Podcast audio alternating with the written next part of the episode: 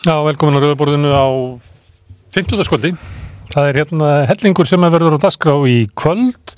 Við tölum við hann eh, Jónas Alla Gunnarsson hérna í lokþáttar um, eh, já hvað er að segja, um hvernig verðbólgan getur upp kaupmátt hinn að legslaunuðu og hversu miklar launahekkanir þyrftu til þess að bæta það upp. Hann er með hugmyndur um það að eh, eiginlega eina ráði sé að leggja á skatta svo kallega kvarregaskatta og setja skatta á sjáurútveg og fjármagn til þess að fjármagna sérstakar aðgerði til þess að bæta hinn um lagslaunuðu verðbólguna.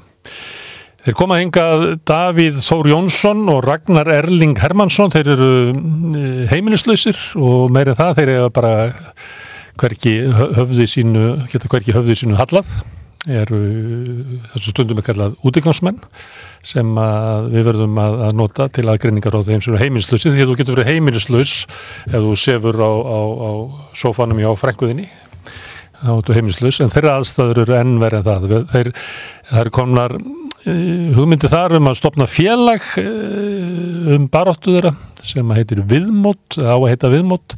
Þeir hafa verið í setuverkvalli neitað að fara út en á hverju morgunni klukkan tíu er starfsfólk Reykjavíkborgar sem að e, vísar þeim út á Guð og Gattin eins og sagt er. Hann kemur yngað, hann Karl Ólafur Hallbjörnsson e, ég held að það sé nú starfsmáður Pírata núna en hann e, skrifaði grein á sitt svæði ekki á Píratasvæði, þetta er hans eigin hugmyndir um að börn ætti að hafa kostningarætt stundum komið til tals hérna við rauðaborðið ekki margir sem að hafa verið að velta þessu fyrir sér en þetta er umræða sem að má finna víðum heim í bæði hjá fræðafólki en líka hjá samtöku sem berjast fyrir réttindu barnafjölskyldna og barna eiga börn hafa kostingarétt. Svo kemur Sigrún Sif Jóelsdóttir hinga, hún er ásand fleiri konum með aðgerði núna laugadaginn, samstöðu aðgerðir með Erlu Bolladóttur. Við ætlum að tala við hana um samstöðu kvenna með Erlu. Síðan koma hinga, kemur Marja Péturstóttir hérna með feminiska fréttir, en við byrjum eins og annarlega á Karli hérni með frétti dagsins. Hvað var að frétta? Já, heyrðu, hér að saksóknari hefur svo stöttið því að fá að framlengja gæsluvareldi á þessum tveim mönnum sem eru grunar um að skipulegja hriðuverk mm. og na, hann vísar í uh, djelið 95 greinar laga um meðferð sakamála sem fellar um fórsendu fyrir gæsluvaraldi sem segir í rauninni að af því að það getur mögulega að stafa hætta að þeim að þeir öðna, eru líklegir til þess að skada aðra að þá voru þetta réttleita gæsluvaraldi Og skada mig þá skada þig. Þeir voru að kæla við það, þessi menn. Já, og Solveig Önnu og hverja pírata Þannig hér að saksólunar vil halda þeim inn í gæslu svo þeir skadi ekki mig og Solveig Önnu og píratana Já, sem að það átt að styrta gæsluvaraldi Landsettur stitt um daginn Mér fannst það að vera í bæði í mokkanum og rúf kom fyrirsögnin að, að hérna, ætluð að drepa Gunnar Smára og gæsluverði stitt. Já, svona hlið við hlið eins og þetta var í góðsaka saman. Það var í sömu setningunni, bæði í rúf og MBL. En ég held að það hefði nokkið verið samingið ára milli. Nei, nei, þetta var bara sett einhvern veginn skringilega upp. En ég ætla ekki með þessu, ég verið að fá nálguna bara á mennina ef að þeir eru sleppt út. Já, en það kom í einhvern prósess, ertu eitthvað? Nei, þetta er ríkalett. En í öðrum fréttum að, að þá öðna, fór, kom skýrsludrög ríkisendurskoðanar um sölu uh, hlutríkisins í Íslandsbanka til fjármála eftirlitsins og til bankasýslunar, ekki til okkar, ekki Nei. til alþingis. Þeir eru með andmælar rétt. Já, og kjarnin setti þetta vel upp þessu, sko, að þeir aðeinar sem bara ábyrða sölu á hlutríkisins í Íslandsbanka, fjármála og etnarsraðanettið og bankasýsla ríkisins muni á að tækifæri til að skilin umsögn um skýrslu ríkisendurskoðanar um bankasöluna fram í miðan næstu viku. Og, og þá kemur hljóðkvæmst að ríkisættur sko tekur marka á einhverju því sem þeir segja. Já, maður velti fyrir sér svona hvað áhrif þau muni hafa á niðurstöðuna sko, hvernig skíslan kemur út. Nei, þetta er alltaf gert held ég. Þetta er svona stund eins og þetta kallar andmannaréttur það er verið að fjalla um þig og það er eitthvað svona stjórnsýrslegt atriði og þá hérna, færð þú að lesa yfir og svo náttúrulega getur ríkisættur sko hérna, ákveði hvort það tekir marka á því. Þetta er sömuleiti ef þú væri ríkisættur sko þið myndur þú vilja gera það, þannig að þú gerir ekki okkur svona algjöra bombertur, því að það er náttúrulega fræðilega möguleik að þú sjáir eitthvað og sést bara blindur á eitthvað hvernig atbyrður voru. Þannig að, að þeir sem að vera fjallum geta uh, laga þína sögu, það er möguleik að því. Já, svona leiðrétting á einhverjum atriðum sem já, mætti, já, ef, ef við horfum á því besta ljósi þá á það að virka þannig. Það er bara, nei, það er ekkit aðeins í sjálf Um, en samt var stjórnarnarstaðan svolítið, hún vildi fá okkur sjálfstæðar rannsóknar nefnd og svona, það voru settir treystíkjala ríkisens. Þetta er allt önnur rannsókn heldur en það var stjórnarnarstaðan vildi. þetta er miklu veikar í rannsókn mm -hmm.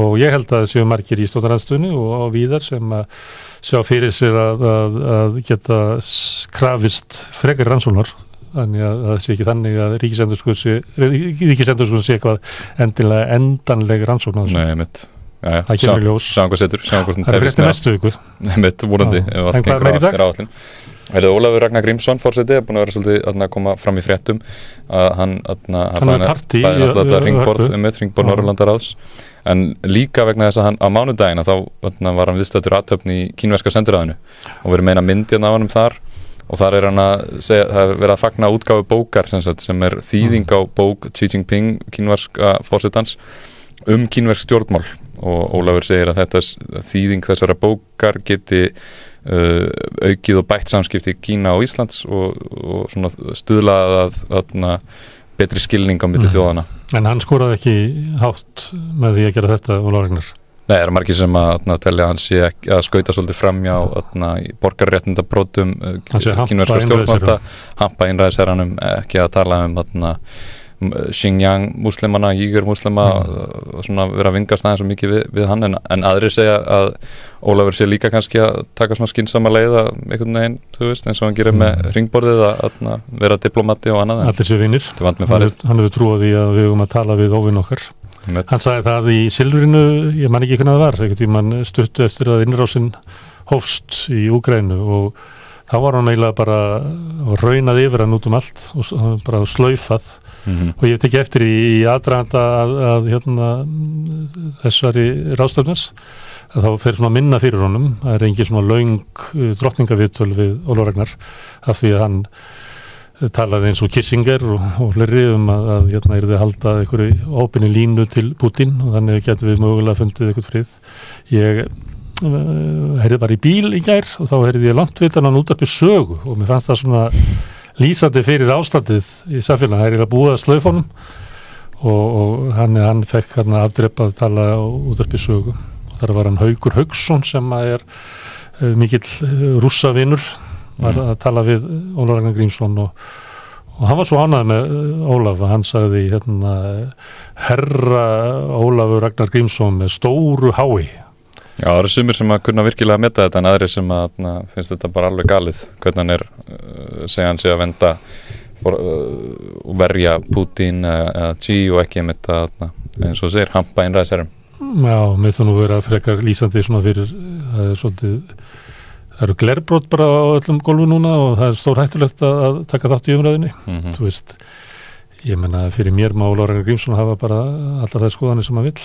Ég sé ekki ástæð til þess að ég dedúa mig ekkert við það þótt að hann hérna og enda, enda er, finnst mér það sem hann er að segja er umvel að það er að halda talsambandi við alla. Við höfum að hafa talsambandi við Kína og, og Rússland og eitthvað flera þetta er nú bara búið að vera klassísk viðhorf sem að við höfum alveg lifa við hinga til sko. Já, Það er hétta náttúrulega í stríði þannig að er, verður allt öðruvísi. Hvað hétta eftir í kaldastriðinu á svona bein lína á milli Washington og Moskó Já, Moskú og Washington. En, Ólaf Ragnar er nú ekkert á þeirri línu sko. Nei, nei, það er ekkert.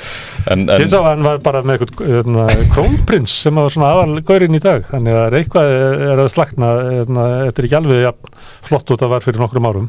En samt sendi, se- þarna sendi nefnd frá bandarækjunum og Kína og Japan og Indlandi og Kóru og, Grænlandi Já, já, og það er svona. Þetta var náttúrulega þegar að rússar voru með að þeir náttúrulega eru með helmingin af hérna, strandleikunni sem akkurat. líkur að, að, að norðurskotinu þannig að það vantar svolítið í við borðið Já, það einmitt, einmitt. Við Já. fylgjumst með þessu, þetta verður náttúrulega næ- næstu ára tugi þá mun þetta áfram þróast og hefur mikið Er látt. þetta með meira? Herri já, þannig að Þú mátt ekki vera mjög mikið að því við ætlum að taka þennan feimniska fréttir réttu eftir tvö, aðrið eftir á Íslandi já. sem ég held að sé smá, smá mikið veg en það kom upp að fannst nýgla í Kársnesskóla í álmunni þar sem að fyrsti og þriði bekkur eru til húsa. Og þetta er bara snögglega skautum við þetta þetta er viðvarandi vandamálinna, maður skilur ekki alveg mm. okkur það er ekki neina lausna þessu. Skólafólk vil segja að þetta sé afleiðing af langvarandi viðhalsleysi á skólum.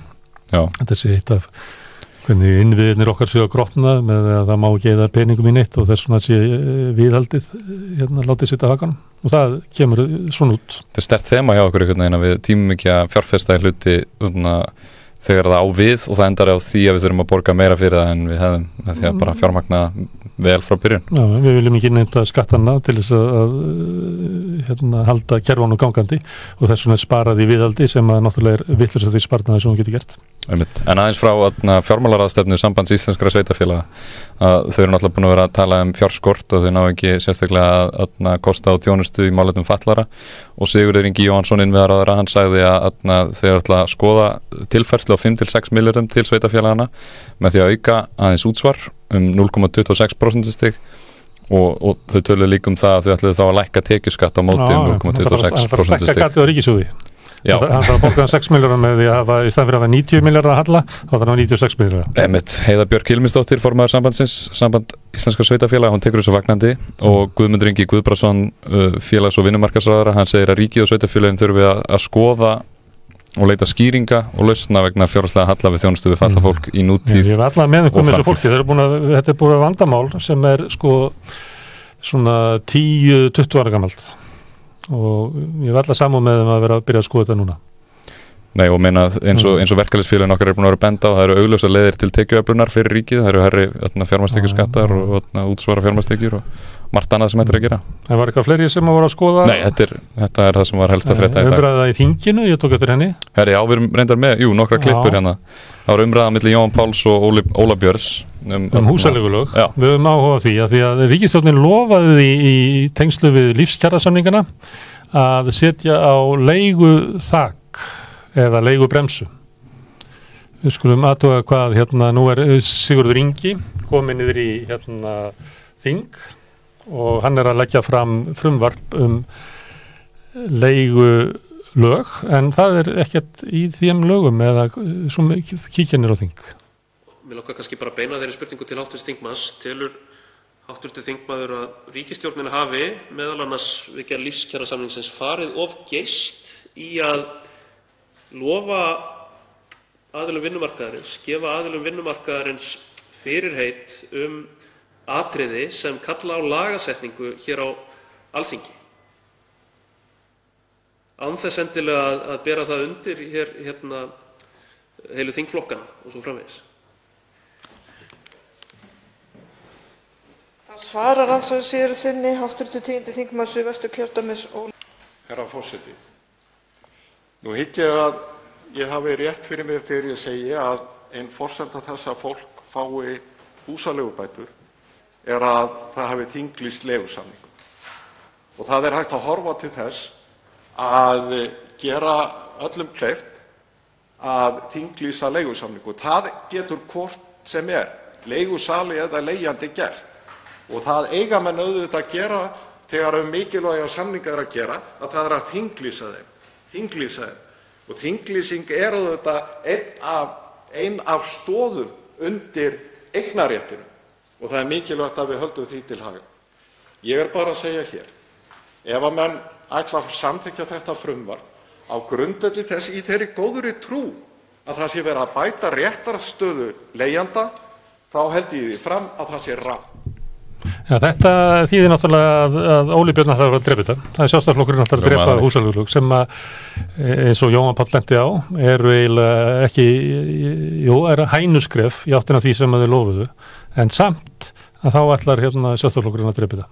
Mm -hmm. Og rökin voru þau að þetta væri verið að uh, vegað frelsi húseganda sem að vera að leia leigendum að vera vegað frelsi ógrara og sjálfstæðarflokkurinn ætlar að stoppa það eins og það gerði mikil. Það er bara þannig. Það er vita fyrir hverja þau vinna. Já, það er bara þannig.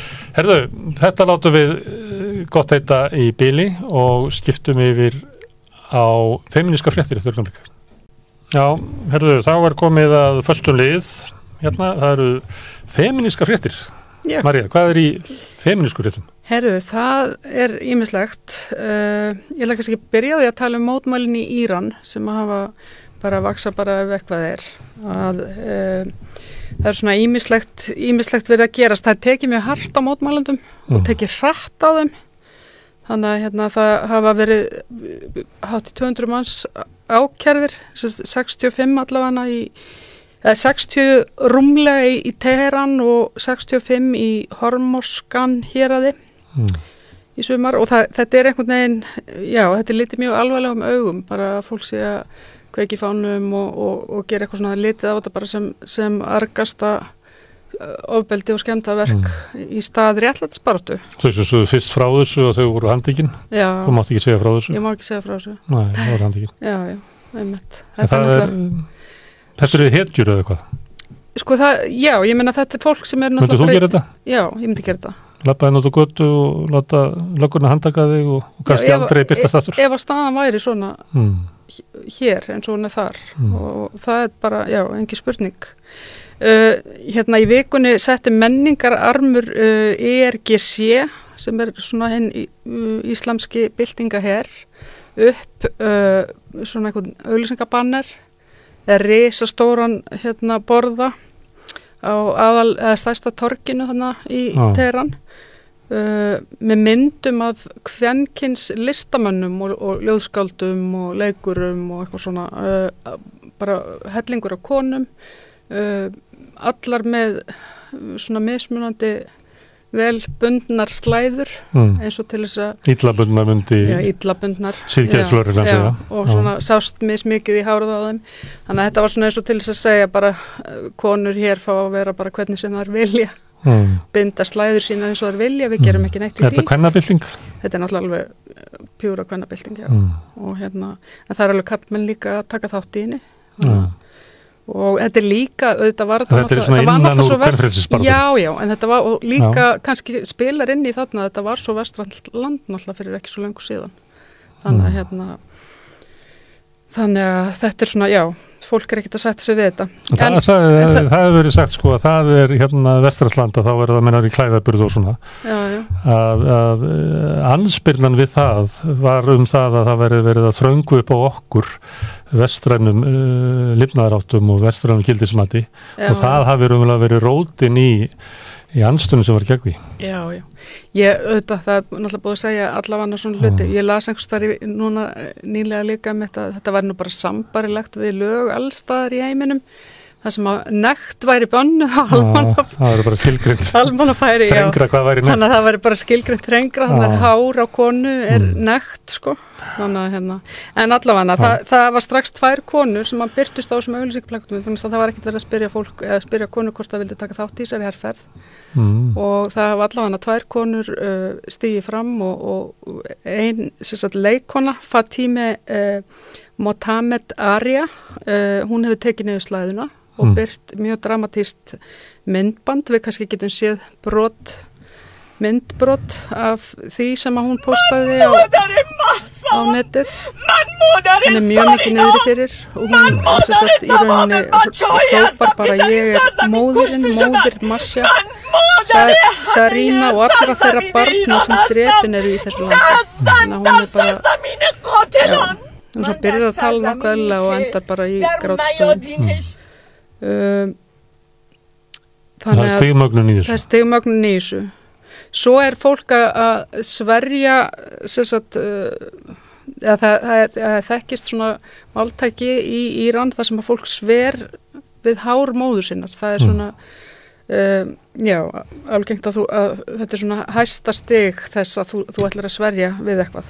Mm. Og þannig að bæði þetta máltæki og það að náttúrulega hárið sé hulið uh, er kannski, gerir það að verkum að, að núna er, er, er verið að nota hárið og, og klippa hárið til þess að standa með mót, mótmælendum. Þetta er að gerast bæði í mótmælunum úti að, að bæði konur og karlar eru að klippa hársett og kasta því jafnvel á eld eða á jörðina eða eitthvað svo les og hérna og svo bara svona er, er komið í gang einhvers konar svona memi í raun á internetinu að við erum að sjá uh, konur út um allar trissur verið að Mm. Á TikTok eða Twitter eða eitthvað svo les myndbönd þar sem það er að Mm. gerða hársett. En við munum reyna að fjalla meira um þetta við, við rauðaborðið. Meðan annars átt okkur á því hvort þetta sé uh, uppreisn eða hvort það sé skipulagt, uh, hvort það sé eitthvað skipulagt reyfing sem að getur tekið við og breytt einhverju. Já, það er spurning. Það er núna, það er mörg dæmum í Íran það sem er uppþótt sem að síðan verði ekki og það er líka til Jú, byltinguna 79, hún var náttúrulega allsirar uppreist, svo endanum þá bara vildi svo til að klerkarnir tóku Tóku völdin vegna þess að þeir voru einu sem að voru með plan já, og voru með stopnarnir til þess að taka við bylgjunni. já, já. einmitt. Mm. Það eru, við erum að sjá svona líka mismundi hópa eins og núna, núna voru, var framinn svona uh, gjörningur af, af hakkarahóp sem kalla sig réttlæti Alís í gær þar sem að sjónvarpi var tekið yfir þeir náða að, að setja inn í útsendingu. Uh, í rauninni já, bara þar sem mynd af, af aðstaklerkinum með skotmark á enninu og, Mm. og kvartningum fólk að taka þátt í mótmálunum þannig að og þar er aftur um mitt blóð unga fólksins okkar drýpur af höndum ykkar og þetta er mjög, já, þetta er sömu skilabóðin í sjálf og sér til dæmis og leikonan kemur fram með en, en þetta er annar hópur þannig að þetta er auðvitað örgulega dreift og einmitt eins og segi kannski ekki beint ein reyfing Mm. Fáum hann kjartan orra hérna aftur til þess að ræða um Íran. Það verður gaman að tala við hann um daginn. mm Mm. einmitt En Herðu, já, ertu með önnu lönd? já uh, ég er aðeins með svona uh, smá framhaldsfrett hérna frá því í síðustu viku, varandi MH að mér langar aðeins að að- segja frá því að allavega listaháskólinn virðist vera svona að taka málin áfram. Mm. um, Og það var eiginlega meira en MH, þetta var eiginlega í fleiri og raunverulega kveiknaði á Selfossi. já, einmitt. Og við erum að sjá við erum að sjá svona skóla vera að grípa aðeins inn í málin. Uh, listaháskólinn sendi bréf til nefnd á dögunum þar sem að sagt, var reyfa mál sem komin á borð til yfirstjórnar í síðasta vetur um keinferðsóbildi sem hafiði sagt, átt að eiga sér stað fyrir 14-15 árum síðan þar. Og um, þau vilja taka þetta mál lengra og ætla sagt, að blása til fundar með nefndum um svona mál. Þau uh, lýsa því yfir að þetta sé farið í, í einhvers konar ferli. Fríða Björk Ingvarsdóttir rektor segir, og, og lýsir ferlinu í rauninni og postar upplýsingum um öll uh, slík ferli til nefnda líka og, og, og þeir, þau hvetja fólk á svona námsráðgjöfum til þess að Mm. Hvað þýðir þetta ferli og svona? það er nefnilega máli, sko ferlið þetta er í rauninni Þetta er svolítið mikið af fréttum orðið svona, þetta er alltaf verið að ferli. lýsa svona Já, einhverjum er svona aðgerðum, viðbras áallanir viðbrasáallanir og... Mm. Sko, viðbras áallunin er í einhverjum svona stegum, þetta er í rauninni, það er eitthvað svona, einhver nefnd sem er uh, kosin vantarlega innan stjórnarskólans til þess að fara yfir svona mál. Nei, nei, við ekki kannski að fá eitthvað sem er að vinna svona áallanir að, að fræða okkur um það hvernig að þetta er. það. Ég, við ættum að gera það. Ég farið á heilan fyrirlestur Það er um miklu svona betra heldur en að við sem að gíska á Ég, þetta. ég veit það. Ég, ég farið á sko, fyrirlestur með sálfræðistofu um, um með mitt Þannig að hérna, það var mjög áhugavert. gerðu það. Já, einmitt. En já, það, þau vilja allavega uh, standa Já. fremst í stafni í þessum málum. Mm. Þetta er náttúrulega eldri fólk, eldra fólk sem er hérna, þetta er háskólastíði, Já, þetta er þetta háskóla. svolítið Já. uh, En maður sér þetta samt svona tímalega séð, er þetta eitthvað eins og mikið viðbrað við því sem er að gerast. Já, Um, nú, fleiri fréttir, ef við kannski bara hoppi yfir í næstu frétt, að það er afsögn Arnaldar Báruðarssonar, uh, formans Prestafélags Íslands, mm. sem að uh, byrtist. segðu mér frá því. Ég hérna, heyrði eitthvað svona, heyrði eitthvað viðtal við hann og ég var alveg bara að botna ekki neitt í Herður minn. þú kannski viðtalið á útvarp sögu? Nei, ég bara heyrði í svona fréttum við hann og ég bara, Já. hvað, Já, það er, þetta náttúrulega er, sko, kemur til vantarlega vegna þess að uh, í, ég held að við nú bara verið hérna eitthvað 9. september eða eitthvað svo leis, Mm. þegar hann í þetta viðtala út orpi sögu í kjölfar uh, þess að uh, upp, upp, sagt, hann fer að tala um uh, kynferðislega áreitni sem að uh, uh, sagt, annar prestur er sagaður um, hann Gunnar Sigur Jónsson Mm. og hann, hann lætur einhver svona orð falla í þessu viðtali þar sem hann er sko uh, augljóslega að, að svona styðja við prestin fre- fremur en fremur en og fórnalömbu hvem prestar verða, verður reyður og sem að en hann verður þá rosa móðgæður og hvað, hann að það- stofna nýtt félag? Já, það sem, það er svo, svo margt, það er meira í þessu sko, vegna að hann virðist hafa hringt í fórnalömpin áður en hann fer í þetta viðtal Mm. og komið líka ekki sem sagt, vel fram við þau, þannig að hérna það er svona ímislegt í þessu og Mm. þannig að það er ekkit skríti kannski að, að prest, hvern prestarnir þannig að stígi fast í jarðar og Ég skildi ekki betur en hann ætlaði að stopna eða hvort það væri til eitthvað félag, hann ætlaði að vera í sér félagi. nei, hann, hann bara, hann gekk til leiðs við fræðagar sem er náttúrulega bara stjættafélag þannig að hérna þetta er svolítið undarleg, undarleg yfirlýsing í rauninni. Þannig, og hann er reyna að láta þetta lít út eins og þetta snúist bara um sko stjættafélag presta. Þetta hafi ekkert að gera með það að hann hafi í rauninni verið já, fengið á sig bara uh, vantrössu við lýsingu mm. þannig að þetta er svolítið sérstætt en já um, með eitthvað meira, með síðasta- mörg blöðina Já, ég, ég ætla samt Já. svona aðeins að aðeins að uh, það halda áfram sko feimniska fréttir þegar þú er búið af því að við tölum hérna eftir um Erlu Bolladóttir um hvort að það Já, mál sé það umvel bara að feimnist mál. mjög, mjög gott mál. Já, Ég ætla að enda þetta á hérna einni, einni frétt sem að tengist líka uh, kirkjunni og það er sem sagt frétt uh, um það að Vítalinskirkja uh, sem að sem sagt uh, fermi börn eins og aðra kirkjur hefur gert breytingar á námsefninu í fermingafræðslunni mm. af því þau hafa sagt skori niður eða presturinn þar skori niður bóðorðinum úr sko tíu í bóður sem að níu Mósi kom með að fjallinu Já, já, já, já. Hvar er, hvar er þessi kir kirkja sig? Er þetta í Kópói eða Garðabæ? Nei, Vítalins kirkja Er þetta í Garðabæ? Nei, hún í, sko, ég er ekki alveg klára á því vegna að í, í Garði eða Garðabæ Nei, það, ég það voru svona það voru verið svona mismunandi fréttir um það. Ég held að það sé í Garðabæ. Já, ég held það líka.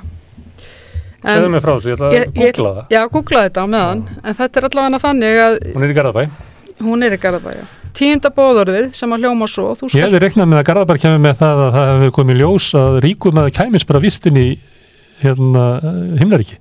Það væri rámt sem að staði í biblíunni að það væri erfiðar að koma ríkum mann, ríkum mann inn í himnaríki Já, heldur en að koma úlfaði genið nálaga. ég veit það En það er ekki það sem er getað voru að breyta. En sko það er, nei það er ekki það sem er verið að breyta og það er svolítið skrítin, annarkvort er sko frétt um þetta í, í fréttamælum dagsins skrítin eða þá að, að presturinn hefur eitthvað komist undarlega að orði vegna þess að uh, hún talar um, sem sagt Matildur Bjarnadóttir, uh, að það sé verið að minga utan bóka lærdóm. Um sagt eitt bóðorð, þannig að það er mjög, mjög sérstakt. Og hvaða því þetta- Þetta þetta- langa þarna. Já, þetta er Með vörsnuna og... Og þrælahaldið og allt þetta, ambáttina þannig að það er náttúrulega mjög lógist að, að sko út frá einhverju svona um, út frá einhverju feminisma til dæmis, að Mm. taka þetta bóðorð út, Mm. en af hverju, af hverju er það ekki aðal ástæðan af hverju er aðal ástæðan að, til að minga utanbókalærdum þannig að þetta er svolítið kostulegt Hvað, ertu með bóður? Já, já, þú skalt ekki gyrnast konu náunga þíns, ekki þræl hans eða ambátt, ekki uksa hans eða astna, nýja nokkuð það sem náungi þinn á. Hins vegar er sérst nýjunda bóðorðið, þú skalt ekki gyrnast hús náunga þíns, það fær að vera, þannig að þú mátt ennþá vera bara afbrýðisamir út í, En ekki östnuna. út í, nei, Og ambáttina. ekki ambáttina það. Og konuna sem eign náungaðins. Nei. Hvað finnur að- þetta? Þetta er svolítið svona bókstafs þegar þú mættir nú ef að það mættir nú ritskoða margt í biblíunni. Það, eh, sko, biblían er náttúrulega kannski og svona bara... hver hefur vald til þess að inn í kirkjunni að ritskoða biblíuna? Bi biblían er náttúrulega tímaskekkja bara frá aðtilu í sjálfu sér sko. en það er klerkonum finnst það valla Ég veit það ekki, ég veit ekki, honum finnst nú alveg kannski sumt vera tímaskekkja held ég hérna bara í Vatikaninu núna, Já. Þannig að það er svona, en, það, en fólk er ekki að breyta þó að það finnir sko e, það er ekki endilega að breyta textanum já, nú eru svona kirkjur, kirkjur greinilega bara daldi sjálfstæðar með hvað, Já. hvað þeir lefa sér að gera, Já. þannig að mér finnst það nú bara kannski svolítið skemmtilegt líka. Bók, bókstafstrú er að sækja á Já, það. Og þetta er svona bókstafstrú að, að fell þetta í burtu að sé ekki hægt að tólka þetta. Bókstafstrú er að sækja á í bandaríkjónum þar sem að bókstafstrúa menn á, Já, á stjórnarskrána eru að, er búin að ná yfir það, hæstarétti. það eru örgulega deilda meiningar um hvort þetta sé sko bókstafstrú eða ekki að fella út eitt bóðorðið eða Já. ekki ég veist að það mætti alveg færa rauk fyrir báðu. Að Davíð Þór Jónsson. Já, ég ætla að tala við Davíð Þór Jónsson á eftir sem er ekki klerkurinn en klerkurinn var hérna um daginn. Já, já, og hann sagði einmitt að, að sko, bókastafstrúamenn það var annars vegar þeir sem að tríðu því að, að hérna Guð hefði læknað hérna, sjúka, þannig að Mm. maður þyrfti ekki á læknum að halda, það voru heittrúðir og svo veru þeir sem væri í vantrú, sem veru með sama bókstafskilíkinni í þessi, já, já þessa sögur og segðu þetta veri bara allt saman. Já, þannig Já. það er, þú getur verið bókstafstrúar og þá þarftu að losna við þetta bóðorð af því að í bókstafnum þá hljómar það ekki nógu vel í bókstafnum hljómar það ekki nógu vel í okkar Nei. samtíma nei, nei. en svo kannski hljómar það ekki vel heldur í fleiri skil, í meiri skilningi heldur en bókstaf Nei. En Mósi, hann fattaði það ekki þegar hann lappaði nýra fjallinu, hann fór inn í allt annað samfélag með bóðorðin heldur nýra í dag já, já, hmm. emmitt Hmm. Reyndar var það svona hálfgerðu garðabær sem að fór með bóðurinn. Ég man ekki hvort það var þannig að þegar hann lappa kemur lappaldi á fjallinu. já, hann Þá inn í þá hann fer náttúrulega inn í Þá var allir byrjað að trúa á, á hérna, mammon.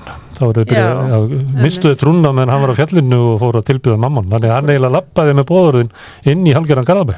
já, Hmm. var það ekki inn í svona viðskiptakverfi eða, eða hvað? Nei, Þeir inn í- voru bara að dansa í kringum, dansa í kringum Já, En ég þarf ekki að vera að breyta fyrir við sko fréttunum þínum í, biblíufréttir. þú ert að breyta þeim í hérna í, einhverja svona trúar biblíufréttir. Kannski tökum við það upp næst. En við ætlum að halda áfram að tala um, uh, hef ég grunum um, um feminisma því að það eru konur sem ætla að sína Erlu Bolladóttur samstöðu á laugadaginn og uh, já, við ætlum að hérna fá til okkar hérna hana Sigrúnu Sif Jóelsdóttur. af í þessari einangrun sem hún sætir og hún hefur líst því með mjög samfærandi hætti, kemfyrsopildi sem hún kærir og hún er hann að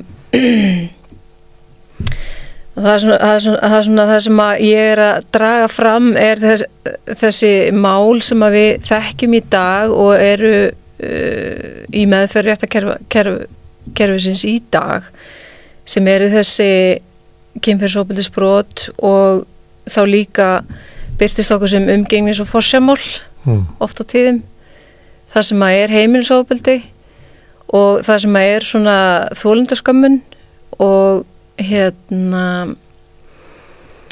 þessi svona eh, forræðishyggjulega eh, þetta mót sem að við erum settar í sjálfkrafa þegar við segjum frá ofbeldi eða erum settar í þetta hlutverk að vera sekar eða vera hafa gert eitthvað á hlut einhvers uh, hérna og þarna er hún í rauninni sett inn, inn í þetta mót og þetta bara skapalón og sem að verður svona já, þetta er bara eh, myndi ég segja hennar mál byrtir mjög skýrt hvernig í, í sinni vestmynd er komið fram við konur. Og, og þá sérstaklega þessi valdbeiting og þessi valdbeitinga menning sem að þrýfst í réttakerfin okkar. Ég var að hlusta okkur áðan sko og hérna mjög fróð, mýmislegt bæðið tvö, mér veist ég ekkert vita en ég var að hlusta okkur tala um uh, já, Það var nú alveg áberend að við vissum voða fátt. já, já, Við vorum að já, tala þið um að ætla það að kalla fólk ykkur til til þess að fá að vita meira. Já, þá kannski veit ég bara svona lítið en Mm. ég fór að hugsa um, bara svona ósérátt að einhvern veginn að þú veist eh, við höfum áslega gott á Íslandi við Mm. erum þessi og erum mjög stolt af því og okkar frelsi og vera skandinavísk þjóð og, og hérna erum heppin. við erum heppin, við erum lánsum og, Mm. og, og það, þú veist, það er engin vafa á því sko, ég get verið með hárið eins og ég vil og, og svo framvegis en þegar að uh, sko ofbeldi kemur inn í myndina, ég fór að hugsa um það sem er líkt Mm. og ég, þú veist, einhvern veginn í, Þá stóðu hvenna í Íran í, og já þá og svo að segja illa að þetta líka saman já, og þá sérðu að- eitthvað að sem er skilt. það sko Það var eitthvað sem er skilt. Já og það er þessi hugsun og þetta viðbræð og kannski mér tamt af því ég er sjálf ekki fræðingur en einu sviði nema sálfræði að, að vera með það sjónarhótt að fara að skýra hegðun fólks einhvern veginn þannig sko en það er eitthvað eh, sem er lært, sem að við erum vön sem að sem að gera verkum að hérna, það er auðveldara í ákveðnu samingi þú veist, við erum Já, og, það, og það er þessi valdbeitingar menning sem, sem ég kalla, sem að ég hef annar staða frá úr eh, hérna, ennsku, dominator culture, þú veist, sem Mm. er í rauninni svona, jú, það er feminísk hérna, feminist feminísk hugmynd sko um feðraveldið en það er aðeins víðara Svo sem að hefur yfirhöndin að hann notar, notar þá stöðu til þess að já hann notar hann og okkur er það tamt Mm. og okkur er kent og innrætt að, að þú veist að við séum ekki nóg eða við séum ekki það meira en við og kent að það er eiginlega hampað að gerir það. já, það, er lift undir í já, hérna já. noti stöðu sína. og þú segir það mér finnst til dæmis mjög áhugavert að, að heyra það, það er ekkert langt sem ég heyrði það að, hérna, og setti það í samhengi að eh, þessi myndi gerandi uh, Gagvart Erli Bóldóttur Mm. sem er þannig í stöðu lauruglumann sem á að gæ- gæta hennar og hjálpa henni og, og hérna já, fulltrúi þess vald sanna sem að brýtur á henni að sko hann er einhvern veginn hækkaður í tegn sko eftir þetta mál og er settur yfir kynferðis brota deilt lauruglunar sko. Eftir að, að Þetta er ekki uppvíst sko Nei. en mér, mér skildist það að, að hann hefði síðan ekki mætt til vinnu þegar hún síðan loksins kærir hann Mm. sem er eh, einhverjum árið setna en Mm. Já mér finnst þetta mér finnst þetta áhugavert sko hérna hvernig menn komast áfram sko eh, af því við erum að tala um þess að valdbyttinga menningu en ég held ekki endilega að það sé alltaf hérna, meðvitað svona hjá fulltrúum ríkisins en Mm. það er eitthvað það er eitthvað í okkur sem að gera verkum að, að við viljum sjá einhvern er þess ekki örgla fyrir neðan mig er ég þá Mm. ok, þú veist.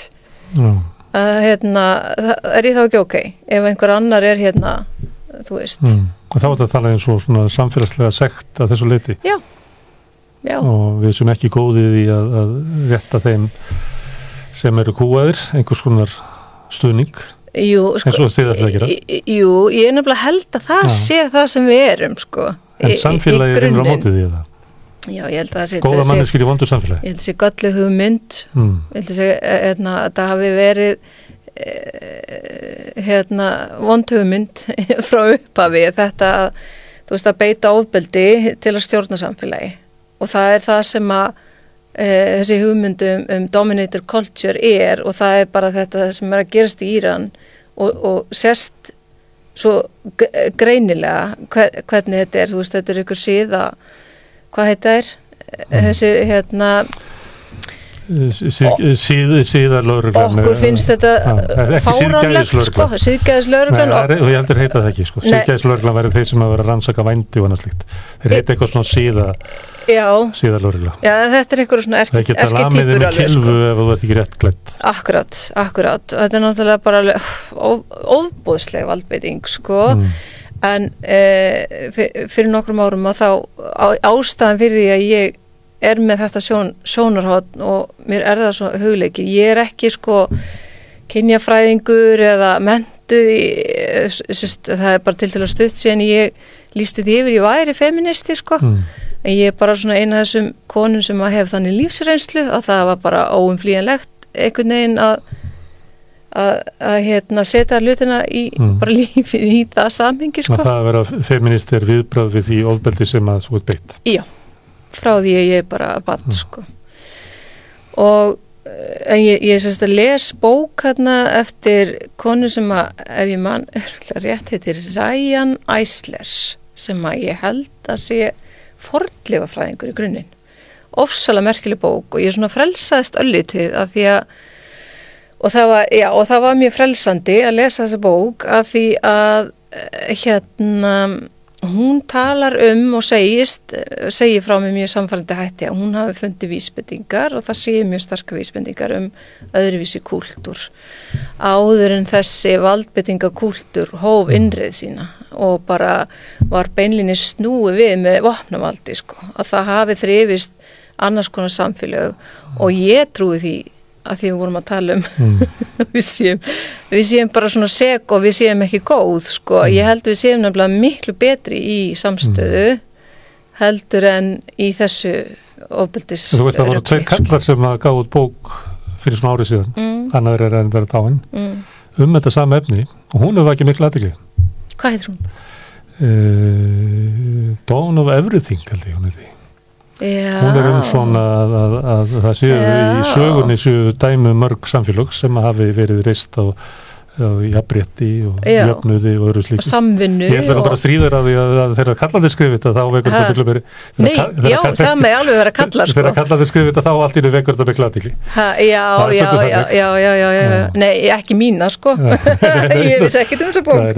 En hérna, já, ég, kannski kíkja á hana líka Hérna, en í að, myndina. erlu Mhm. og réttakerfinu, þú talar um réttakerfið Já, réttakerfið er til þess að ná fram rétti kalla frekar en hvenna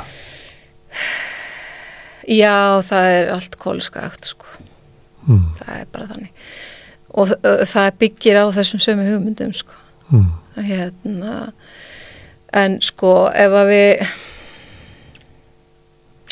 hugmyndin náttúrulega um réttaríki er mjög falleg Mm. og en það er eitt að hérna og svo erum við með hérna bara, við tölum bara um Ísland við erum með þetta uh, lagasystem og ég er ekki lögfrægur en ég Þú þarf að segja mig hvað þú ert ekki. Já, ég vil hafa það alveg á hreinu sko, þú veist, þannig ég, ég leiði mér að segja ímislegt og hafa rámt fyrir mér og svo leið sko.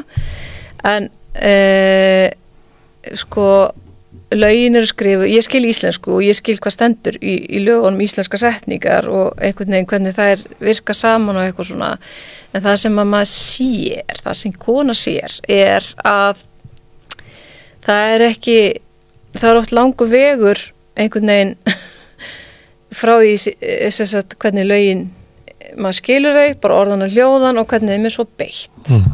og þegar þeim er eins og í, mm, að mínum að í máli Erlu Bóldóttur þeim er ekki beitt e, með það að markmiði að sko þjóna manneskunni eða þjóna tilganginu mannréttindunum að þá er það bara að þjóna einhver öðru, þú veist þá er það þjóna einhverju hugmynd sem að er bara hættulegt sko.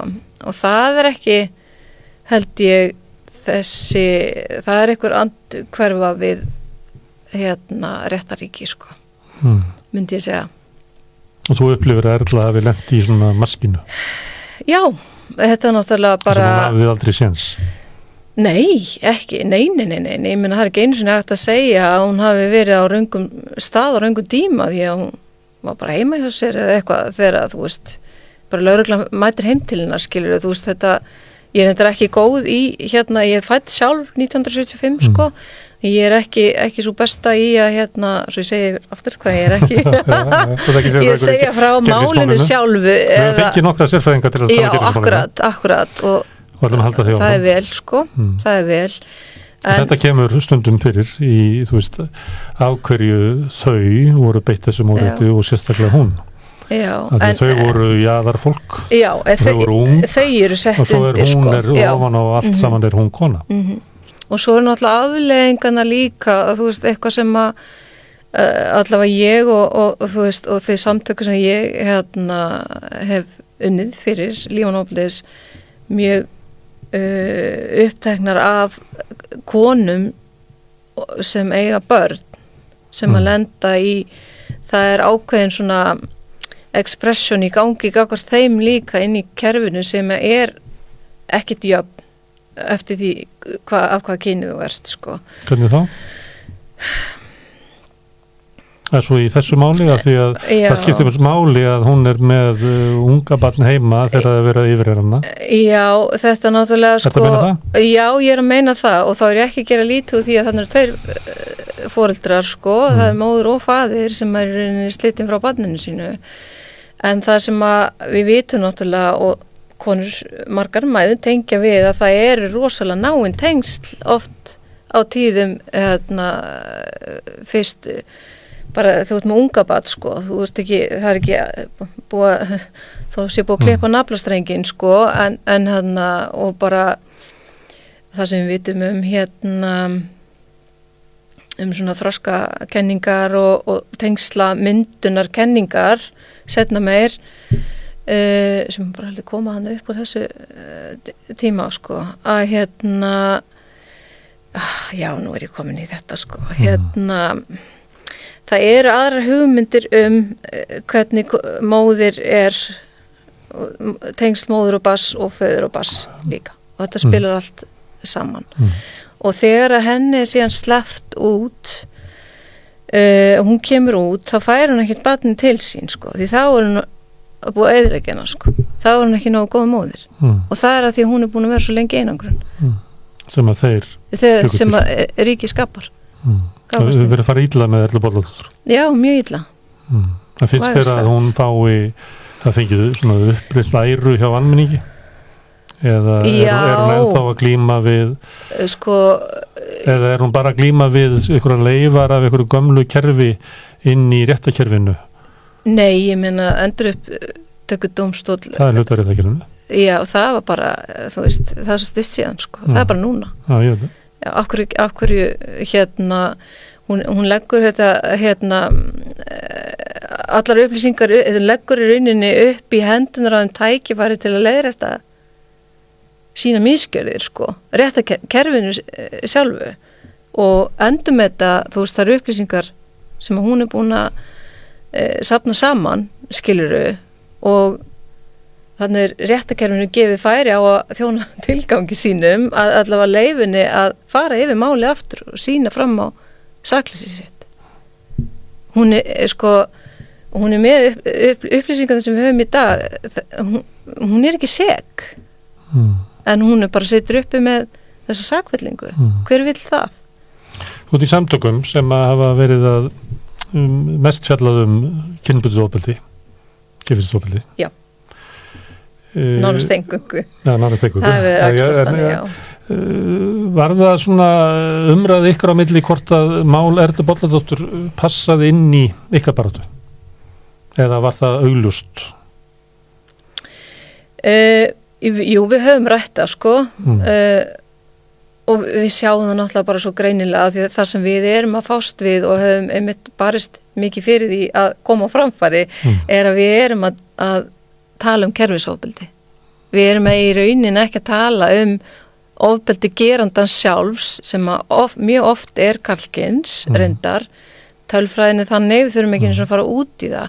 Við erum að tala um við bara kerfisins við, eftir, Við. eftir ofbeldið framöð Já, bæði bara hvernig farið með sagt, sakamál gagvart, þeirra óbyldi gagvart börnum, hvernig farið með börnin, hvernig ólíkir hlutar í, í kerfinu sem sagt, tala saman, tala ekki saman skilur þau, þú veist, lögreglan er að gera eitt hérna, fástu ykkur lögreglanansókn og, og svo er máli felt niður og, og, og svo er eitthvað annað fyrir bara í barnavend sem á ekkert að vera að gera neina lögreglanansókn heldur bara hugsa um það sem er barninu fyrir bestu og láta barninu njóta vafans en það fer einhvern veginn að ruggla sko, nei, það var ekki sakvælt hérna og, og þú bara, já, heyrið, allt í, allt í góðu, þá bara hérna kemur síslumadur og, og við þurfum að senda þetta barn í umgengni.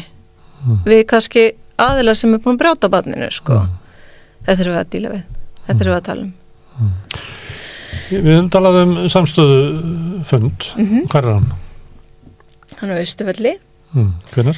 Á lögadaginn, næstkomandi 15. oktober, Mm. klukkan 2 Á maður bara mæta og Já, bara lappa sig þangað eða taka leigubíl eða strætt og, á, og mæta.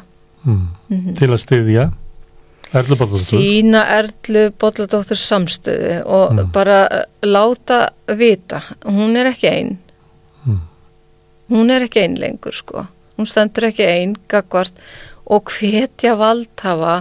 Við erum með aðra valdhafa heldur en, heldur en dómsvaldið sko til að bara uh, já, bara sína uh, sko mildi og, og hérna réttlæti og og hérna sjá að sér það getur, fólk, það getur fólk gert klukkan tvö á laugadaginn á Östufelli Já. Við hvetjum alla sem að, að vilja gera það til þess að mæta þangað. Hérna rétt á eftir að þá ætla ég að tala um kostningarétt barna við Karl Ólaf Hallbjörnsson. Já, herðu, við ætlum að tala núna um kostningarétt barna sem að er mál sem að kannski er ekki efst á baugi í Ísleikur samfélagi en það hefur verið umræð um það víða um heim og fræða fólki og víða og það er meiri segja á dasgrá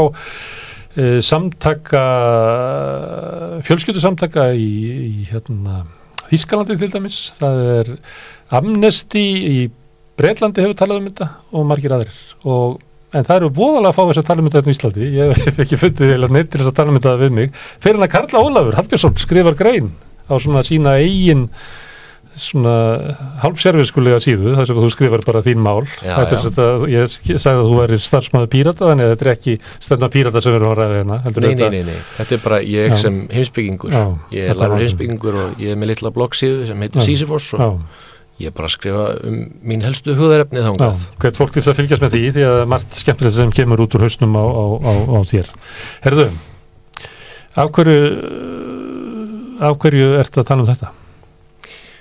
Já, svolítið eins og ég tala bara um í ríkjörinu minni þá er þetta hugmynd sem svolítið festist í haustum á manni Mm. þegar maður byrjar að hugsa um hana til enda í rauninni. Eða það er alltaf mín upplöfun Já, þegar maður byrjar að hugsa af hverju er kostningar eftir takmarkaður við eitthvað árafjölda mm. og maður fer bara gegnum rauksundafæslunar og pælingarnar á bakviða er þetta náðu þetta sér? Þannig ég er einhvern veginn búin að vera að jórtra þessa pælingu alltaf lengi Mm. og mér langaði bara að skrifa hana og mér fannst, ég finna svo og skemmtilega tengingu þín sko. er að það sé ekki hægt að takmarka kostakrætt uh, Nei, það er ekki alveg niðurstaðan mín Mm.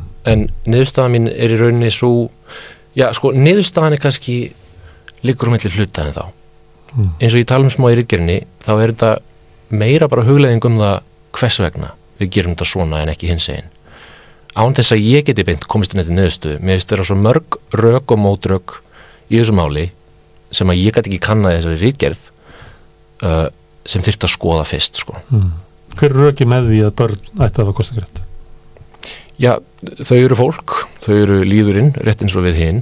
Uh, þau eru náttúrulega að fá kostningarétt á endanum, Mm. en bara þeir eru búin að vera lifandi í átján ár, þau eru ekki neitt meira, þau eru ekki háskólagráðu eða eins konar skýrtinni til þess að kjósa, annað en bara að það standi á skilíkjunum þeirra að hafi verið lifandi í, hvað er það, 6500 daga eða eitthvað svo leiðis. Mm.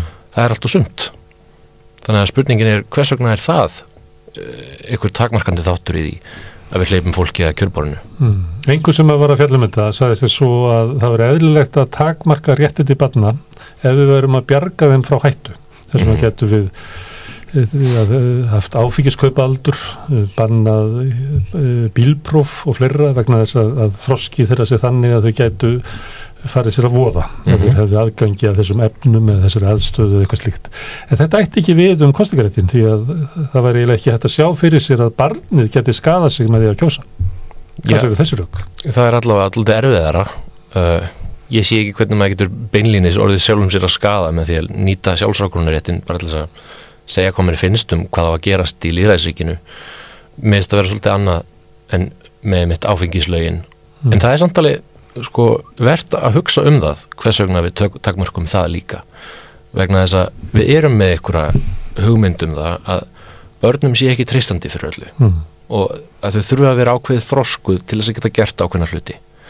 Og við getum sagt það um áfengið og okkur finnst það meika alltaf mikinn sens, svona almennt við getum bara hugsað aftur já, þegar ég var krakki djöld tók ég heimskar ákvarðanir og ég vissi ekki hvað ég var að gera og allt það Mm. Þú getur líka að hugsa svona þegar þú ert 60 eins og ég er og hugsa um eitthvað sem þú gerði þú varst 50 nákvæmlega, þú getur hugsað um þetta í rauninni eins og vilt sko en við erum með eitthvað svona frekar gethóttakent cut-off point það sem við segjum, núna er þú einn ábyrð og þú tekur ákvarðanir fyrir þig sjálfar, sjálfan og já, af hverju þessi aldur? Ég veit það ekki. En hver er röki fyrir því? Ég spurði það um hver er röki fyrir því að þau mættu kjósa. Hver var röki fyrir því að þau mættu það ekki? Sorry, uh, rökin fyrir því að, að, að takmarka kostningarétt við aldur. Já, það er einmitt þessi þroskarök, er það ekki? en það eru margir sem að eru þroskaðir 15 ára Mm með meiri þroska heldur en uh, margir sem ég þekki.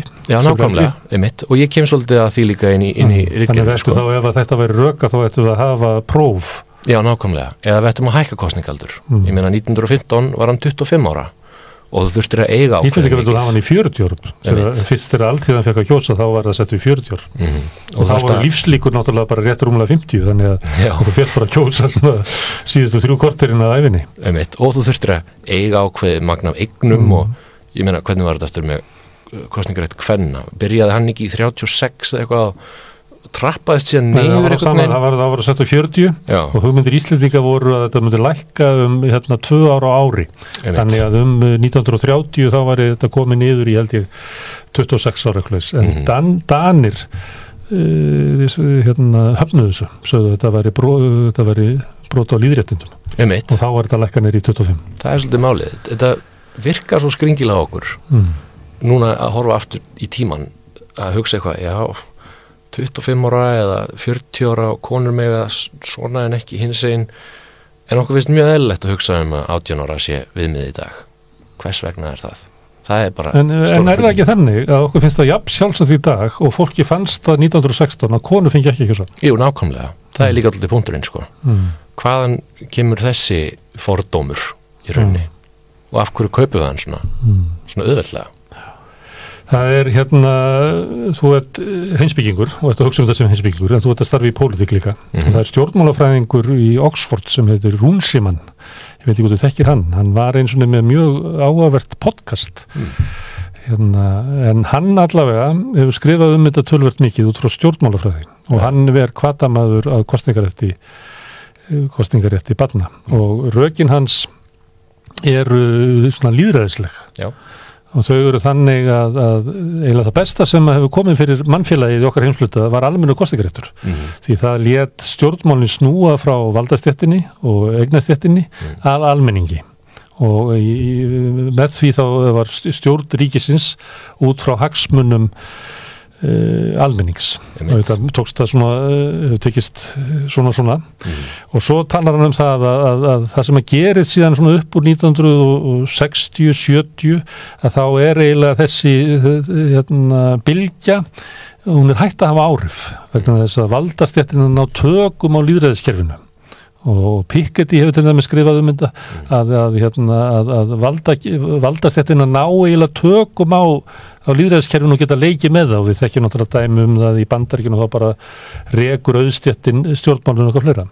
Það sem að Rúnsimann leggur til að við ættum að eh, láta börn fá kostingarétt til þess að fá svona vítamínsprautu aftur inn í líðræðiskerfið Já, bara einfallega að það væri bara svo holdt fyrir okkur að, að, að við, þá myndir stjórnmálinn snúast um væntingabatna, réttindi batna og eitthvað fleira og það væri bara betra einmitt, ég held að það sé ekkert slæm hugmynd sko. oh. en svona, síðan heyrir maður oft sko mótrökin einmitt með þessu oh. sem ég kaupi í rauninni ekki uh, einmitt bara fyrir líðræðisprinsipið sko. oh. þú veist, ég kaupi það ekki fyrir vegna þess að mér veist bara vera svona mér veist að snúast eila um grundvallar ákvörunina, frekar en afleiðingarnar að fólk segir sko, já en ef börn fá að kjósa, þá mjög stjórnmálflokkar bara spila sig beint í, ég veit ekki. Verða barnalegir, í, hvað segir verða barnalegir. Já, einmitt, og byrjaði hérna lofa legokössum, eða ég veit ekki hvernig þú myndir sjá það fyrir þér, sko. En ef þeir fara að gera það er það ekki bara fínt? Oh. hvernig myndi það koma út? Það væri mjög forunlegt mm. og síðan líka annað með, ég veit ekki þetta er kannski mín einhvers konar uh, skuldbinding við líraðið að eigi að það eigi alltaf verið tilrauna andi yfir hlutunum. Að bara gera smá óskundastundum Mm. og prófa hluti almennu kostingaréttur er tilröðin sem að lukkaðist Mhm. þetta sé fáið sem að andmæla því í dag en, en það þótti vera mjög hættulegu mynd á sín tíma já, já Ég nefndi hérna í ingangnum að það eru uh, hagsmunasamtök mm. uh, sem hafa tekið upp með annars uh, fjölskyldu samband Þískarlandsmyndið líklega vera kallað Mm. og rökið þeirra eru svo að ef við förum aftur á baki að því ég sagði þetta 60 þá er ég svo gamall að í kringu 1960 að þá var vægi atkvæða barnafjölskylda meiri heldur en í dag. Ástæðan er svo að, að fólk eru elst það eru miklu stærri hlutar kjósetta sem eru 60-70 ára pluss Mm Uh, börnum hefur hérna, fækkað, það eru færri sem eiga börn.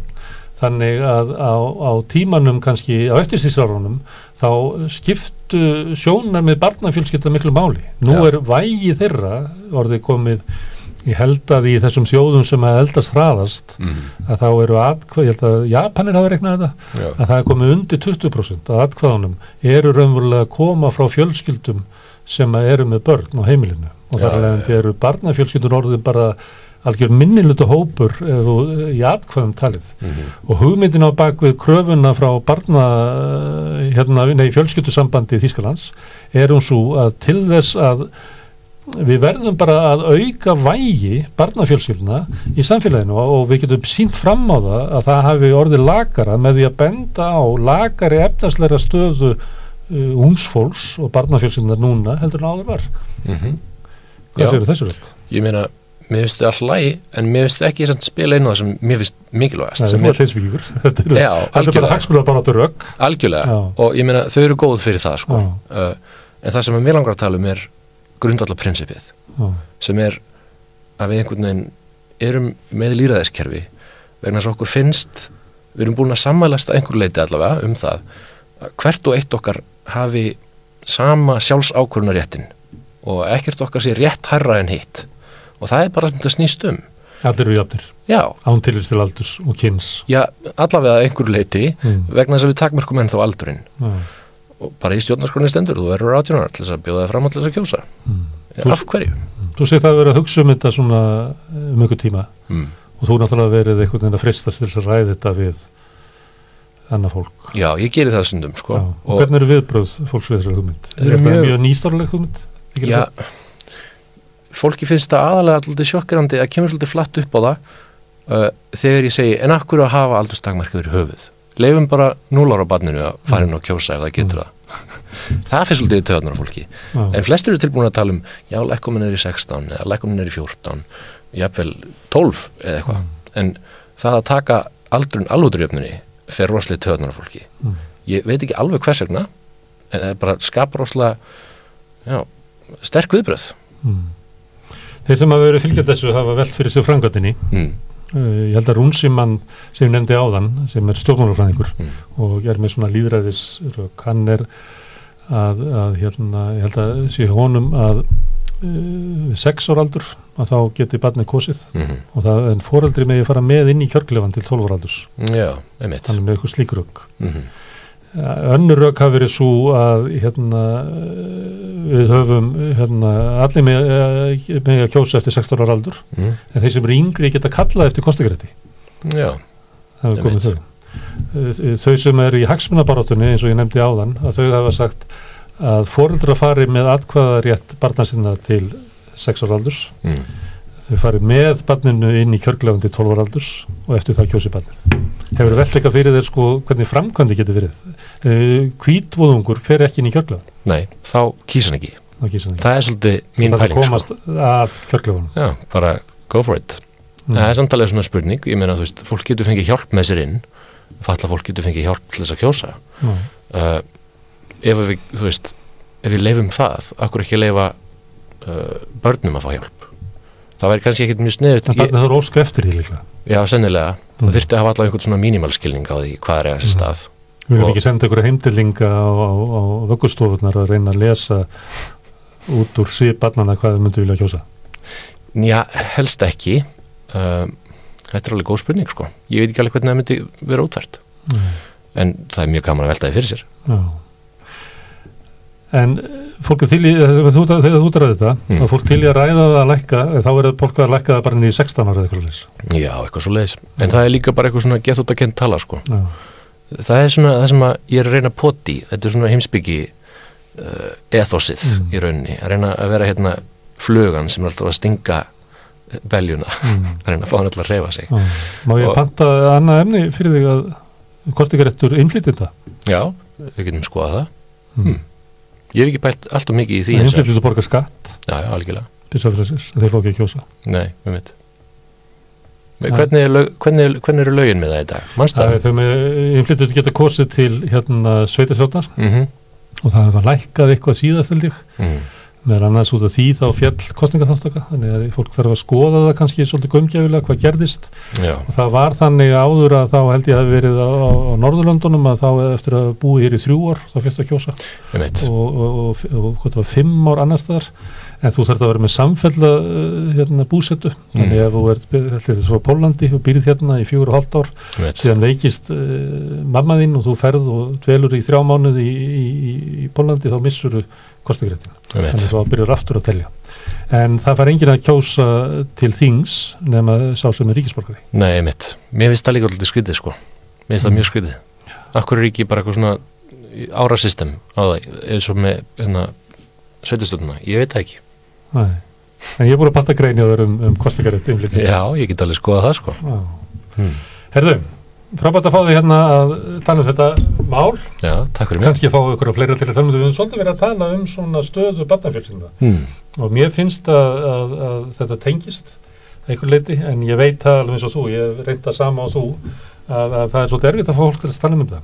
Já, en Ég svona er að þegar maður, kemur í samt í gang sko. Já, ef maður nær pillunni sko inn í hausinn Mm. þá setur hún alltaf eftir. Mm. það er það sem mér er skemmtilegast en af því að ég, ég hef gert tilurnir á þessu mm. ég má segja þér svona sögu. Já, að, að dótti mín sem er núna 15 ára mm. þegar hún var 9 ára þá gaf ég henni atkvæð mitt. Já, einmitt. Og síðan hef ég rætt uh, og ég sagðist bara að fara og kjósa það sem hún vildi. Og í öllum kostningu síðan þá hefur hún raunverulega uh, kosið í gegnum mig. Einmitt, og fyrst var þetta svona til þess að geta tala bara um, um samfélagsmál og, og pólitík og eitthvað fleira og, og ég er náttúrulega líka áhugaði að upplifa hvernig hún upplifði þetta mm. og af hvaða forsendum hún kaus og einmitt. svo hérna uh, hún kaus til dæmis uh, Andra Snæ af því að hún hefði begunarins Einmitt, og líka veljumannin sem Já. að er aðferð sem að margir nota til þess að kjósa í fórstakostningu Já. að þú kýst bara mannið sem er líka við hefur góða reynsla á honum og slíkt en svo þegar hún, hún eldist að þá er meiri pólitík komið í það mm.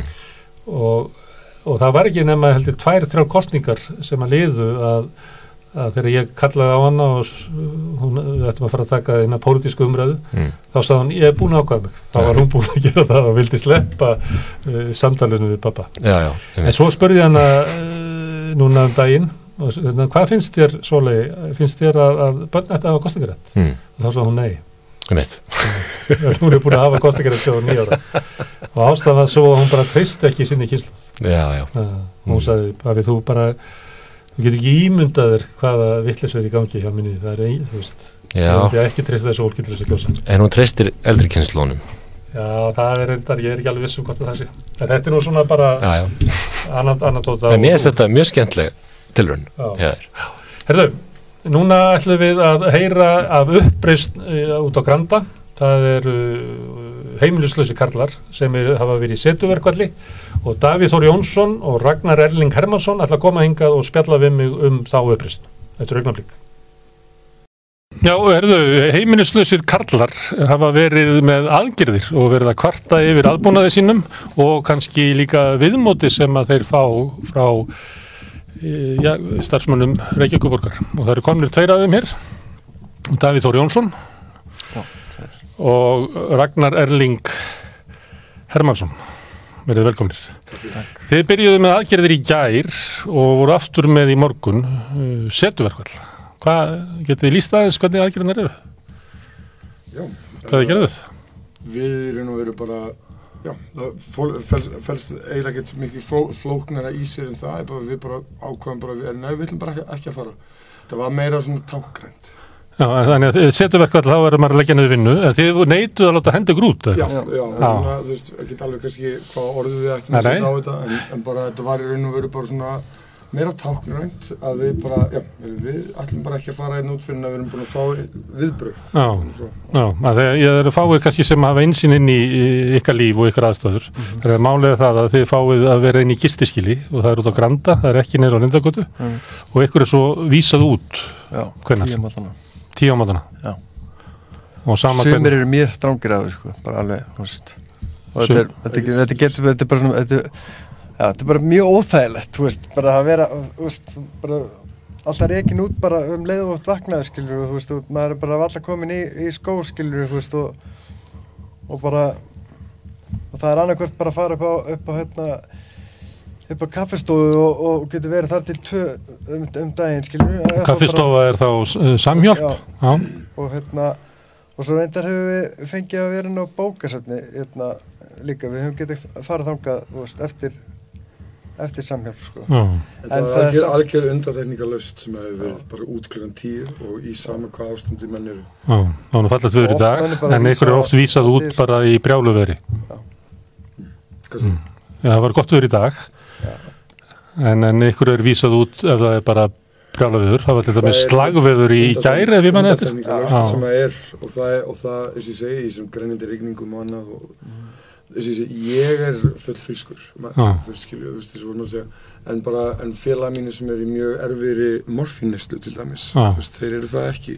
Uh, þeir hafa ekki fengið, fengið til dæmis og eru bara mjög veikir og, það, og þurfa að fara út í migandi rigningu, ískaldir og frákvörum frá, rosum frákvörum og, og, og starfsfólkið að þurfi veist, það er svo ósengjart líka einni sem einni dömur sem að var bara þurfti að setja 24 ára gamlan einstakling út að, út á bekk, vefja hann í teppi undir hittaran bara titrandi að því að hann þurfti að fara út. En en banni eða eitthvað líka þú veist. Mér finnst þetta að vera bara þannig veist, það er ekki hægt að bjóða fólki upp á þetta sko. en ákveður mátt hann ekki vera hinum með veikin ég, ég veit ekki nákvæmlega hvað það er skilja, en mér finnst það ekki skipta máli þú veist, ég meina, þetta er bara, svona, bara basic grundallega veist, það er að hafa þak yfir höfuð þú veist, bara eins og þegar ég bjóð til Nóri það bara þú veist, það, það fá allir húsnæði eða útbeða herbyggi í- á vegum hérna, eins og veist, vinnumálstofnar og svona sko.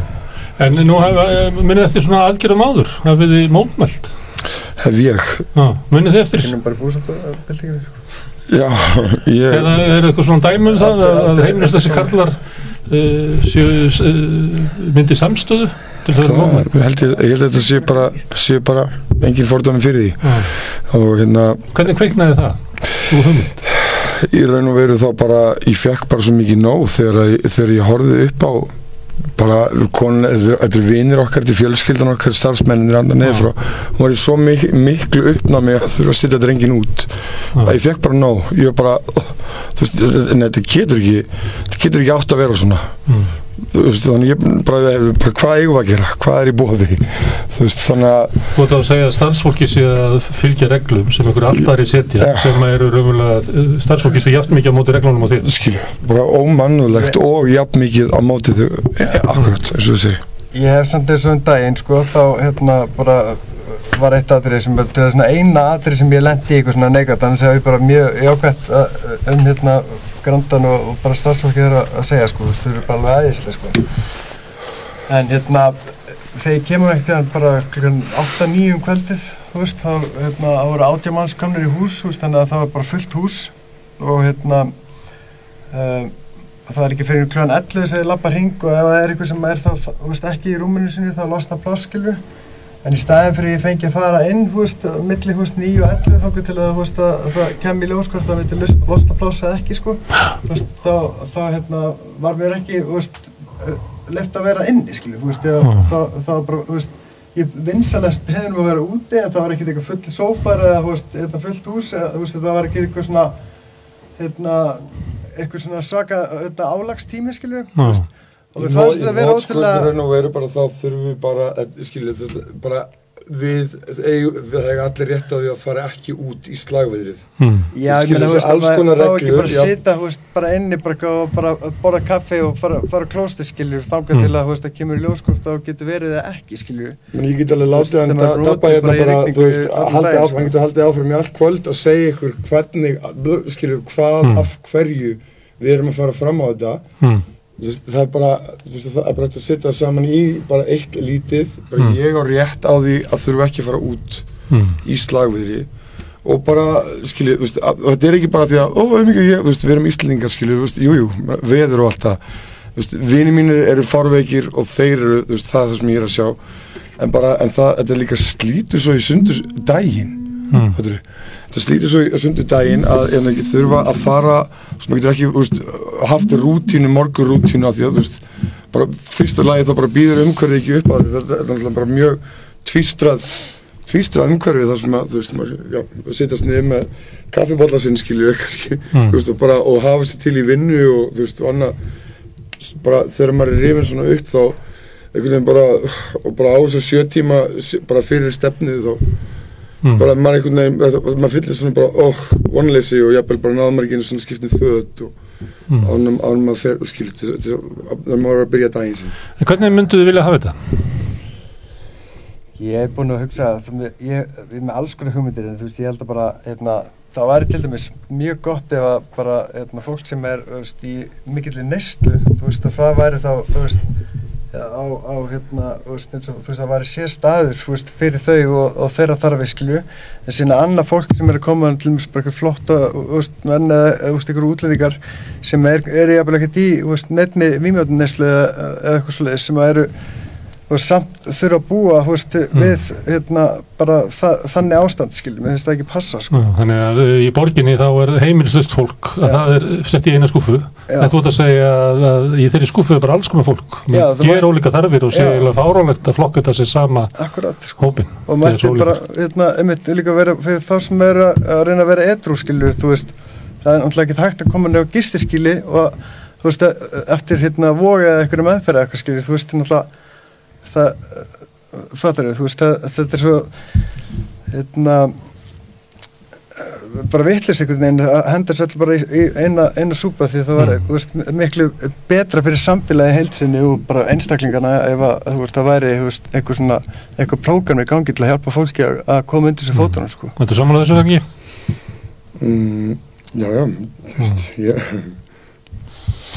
þú veist, maður veitir einhver ekki hvað, sem, hvað maður á að halda áfram með að, að segja, segja, þú veist, þarf ég að sitja einna, þú veist, bara, dag, please, please, Já. þú veist, nei, þú veist, það var, Það er fólk sem er að hlusta okkur. Það hefur eiginlega enga einsinn inn í það hvernig líf þið lifið. Og þess vegna, akkurat, akkurat. þess vegna til þess að það átti sig á alvarleikanum. Ég var það spurningin, já, já, já, já, ok, afsakið, ég, ég, bara, ég hef dátt hérna aðeins út aðeins með, með ykkur í samminginu. Já. Nei, nei, bara, sko, það er einmitt, þú veist, eins og ég segi, þú veist, bara, það, það, það, ég, ég bjóð til dæmis í meðferða heimili í Brasilíu í fjögur ár og það var bara sammeilegt gistir í mig Mm. og það var ekkert mál í raun og veru. En, en Það var fólk ekki hent út Já. Það var fólk ekki hent Nei, nei, út svona voru bara í meðferða úrræði. Já. Já, meðferð, já. En ég er að segja, ég er að segja, þú veist, að það, en svo, svo er, þú veist, neðri, neðri rýmið og þú veist, og það, skilur, þú veist, að þurfa að fara út kláðan tíu, þú veist, að, já, að dagurinn, ég veit ekki alveg, þú veist, hvernig ég á að segja, ef maður, ef maður, þú veist, hef, ég reyndi um daginn að reyna að fara inn í einhverja vinnu, þú veist, rútínu og eitthvað, þú veist, ég bara, Án þess að hvergi, án þess að hvergi Ég er líka búin að reyna það sko. ég bara, þú veist, réð mig í vinnu hjá, hjá ferðarþjónustu fyrir það, Ah. þú veist, bara að gæta og það bara, þú veist, það var ekki, já, nei. Þú veist að fara Ég, það bara, ég var bara svona að fá svona aha moment núna, sko, Mm. með það, sko, bara vá, það var bara eiginlega ekki hægt og ég var einmitt að segja þetta viðtalið núna bara í gæra, það, þetta slítur svo upp daginn, þetta rýfur allt upp, þú veist, þessi sjö tímar, Mm. þú veist, að þurfa, þú veist, það er ekki hægt að plana neitt, það er ekki hægt að gera neitt, þú veist, maður er bara að fara að hugsa Og þú veist raunverulega ekki hvort þú fáir inni í næsta dag eða næstu nótt ekki nefnum að mættu bara fyrir klukka 5 það, Það geti eitthvað mættur undan þér líka. Já, Það er bara ef átján þú ert aftalega í rauðinni þá bara fara ekki í rúm. Og hvað gerir þið þá? það er bara svo að sófanum með hef- liggja bara á gólfinu sko. Þarna í á Granda. Þannig að þið fáið að vera þá inni í- með þak án Nei. þess að hafa rúm. Nei, nei, það er ekkert gefið. Bara þá Þannig gætlega að- orðið átján manns. Já. átján manns, það var bara ný regla.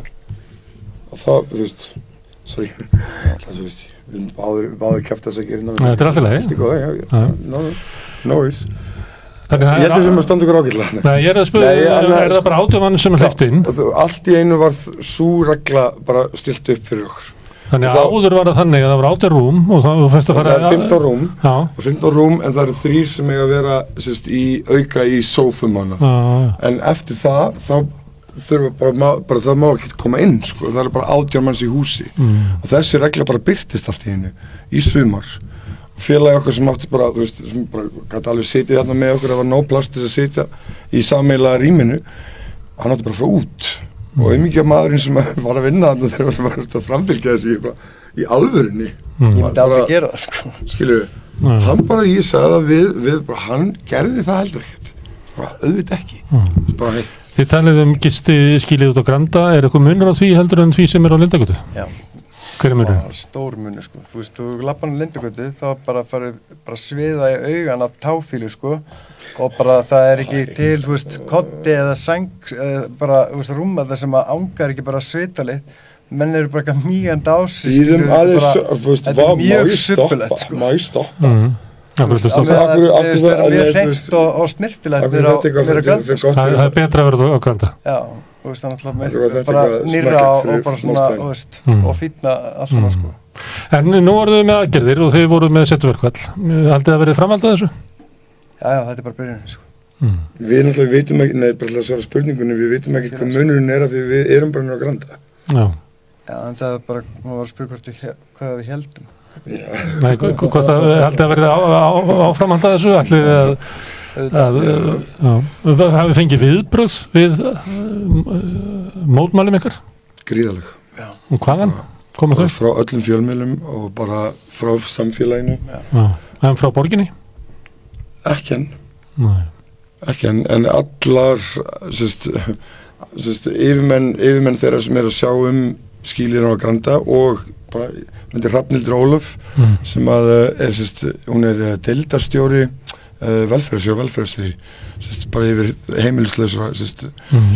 sem er heimilislausir og uh, já, hún bara mætti henni í morgun og hún, hún var eiginlega svona tákmyndin um það að já, við erum að býja eftir að þú komir þú veist að skilur þetta var auðvitað ætlum við ekki að vera hérna eitthvað all, í allan Nei. dag þú En gáttu þið talað við hana? Já, og hún er bara búin að vera að reyna að gera það sama í mörg ár en það er bara engin listað þannig að nú er bara já, En Hvað er hún búin að vera að reyna að gera? hún er búin að reyna bara að fá fram það að við þurfum ekki að fara út dagsetur fyrir En hver karl- bannar það? Hver bannar það? Það spurningin hvað Ef hún er bossinn, hver er Já, bossinn hennar? skilur, hún, er, Ég hún, fer sko. upp í, hún fer upp í velferðarsvið fer svo fyrir ofan hann Mm. hún er, hún er skilur það, það fyrir velferðar nefndir skilur það er á pólitíkinni komin upp. Sem að stoppa þetta? Já, stöð 2 talaði með að var, var yfir að taka viðtal við eitthvað sem að ræður í kvöld á stöð 2 Mm. hjá bor- borginni. Mm. þannig að við sjáum bara þetta, sjáum hvað setur. Mm.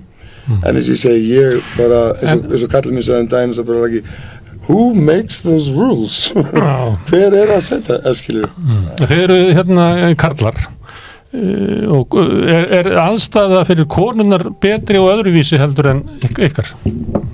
Já, ég upplýði það sko. Bara því leitum til að, að það með að erum með dagsetur. Já, og það með að vera inni. Nákvæmlega. Það er bara bara, geta þær eldað og bara, veist, það er bara svona, geta líka lagt sig að vilja, veist, og bara það er ekki verið úti í vondu veðri. Mm. og ykkar kröfur er ekki raunverulega stærri heldur en þetta að fá að vera inni þessa sjö tíma? Já, Já, þú veist let's mikla start there. let's begin there. Ég, já, ég, bara hugsa bara, veist, að það væri bara, það þarf bara að gefa uh, mjög lítið effort í þetta málefni til þess að bæta stöðuna fyrir alveg hópa fólki, sko, bara tugi manna, sko. bara tugir manna sko. og bara, og ég hugsa líka að þetta bara sé bara, þú veist, fyrir allt samfélagi heilsinni, bara, þú veist, þá er þetta, hérna, bara, bara hagnaða fyrir alla, skilji, þú veist, Mm. það bara skiptir alla máli að, að hérna, að, að við séum ekki með bara, þú veist, smekkfull gistiskili sem, sem eiga bara að vera til neyðar, skilju, þú veist, Mm. kannski 6 til, þú veist, 14 daga, hvernig var það, þú veist, viku Nei, við til erum að- 2-3 já, vikur, skilju, max, veist, það er bara, þú veist, að sjálfsögðu öllum til bóta að það er ekki fólk meðbræður okkar er ekki að degur kulda, Mm. er ekki veist, er, er ekki kallt úti Mm. það bara, það bara er, er bara benefit beneficial fyrir allt samfélagið Mm.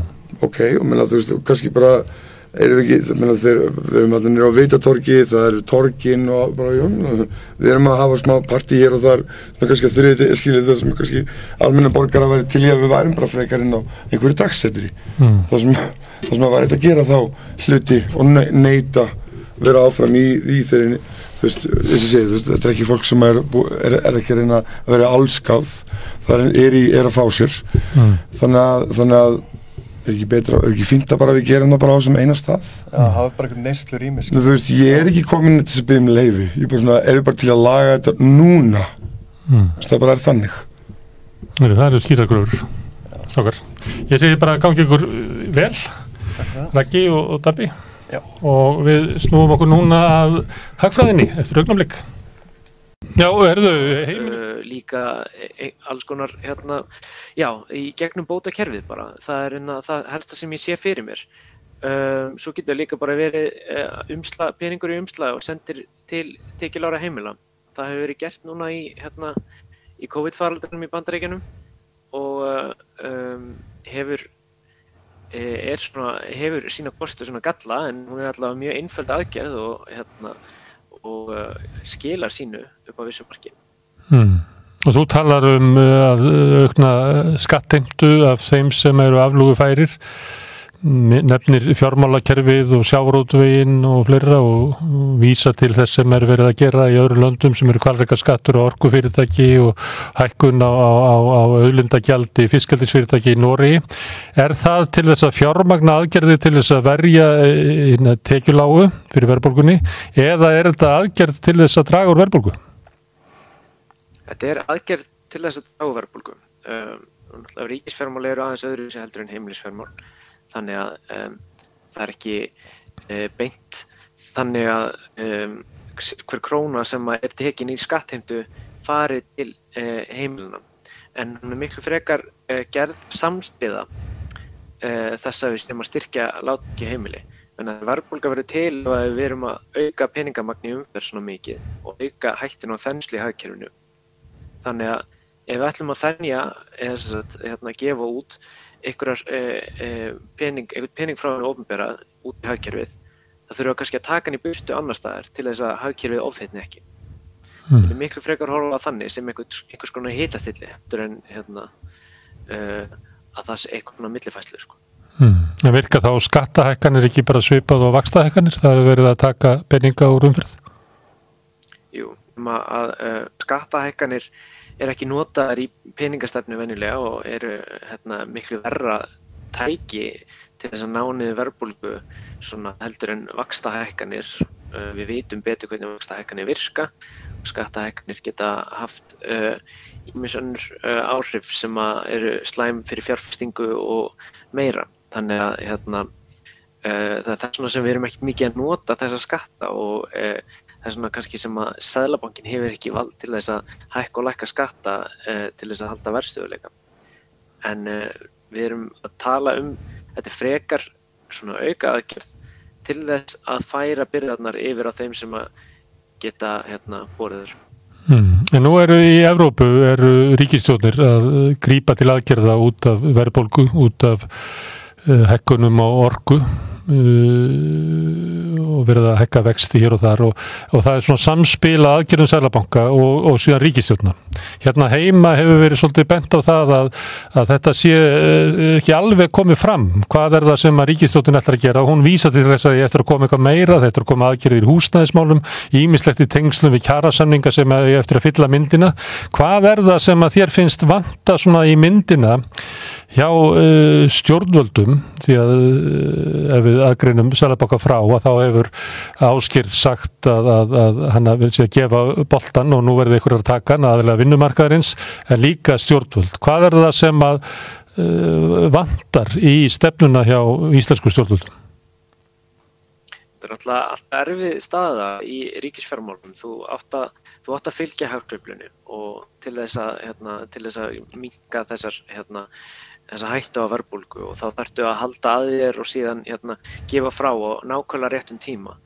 Og við sáum að kannski uh, í COVID þá voru allir að lofa hérna, fjárfestingar átæki til þess að halda hagkerfinu gangandi.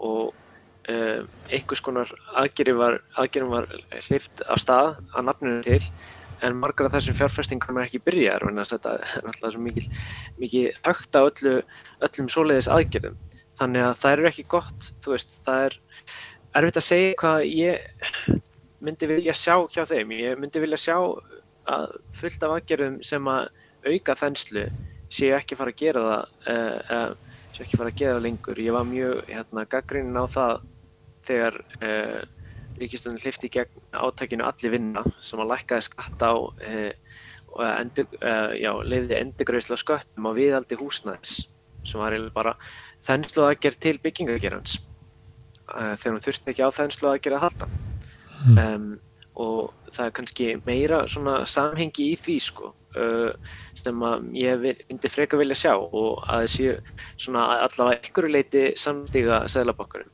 í sinni peningastönd mm. Umsóknir umsagnir BSB og BOM undanfærið um fjárláðuröfið, það var snúið svolítið um tekjulegina BCB talar um egnaskatta eða ég býstu þessi að meina auglöðaskatta, hækku fjármástíkjuskatts uh, hækkun auðlindagjalds ef að ég mætti gefa þér þrjár óskir um skattahækkanir, hvað myndur þú velja?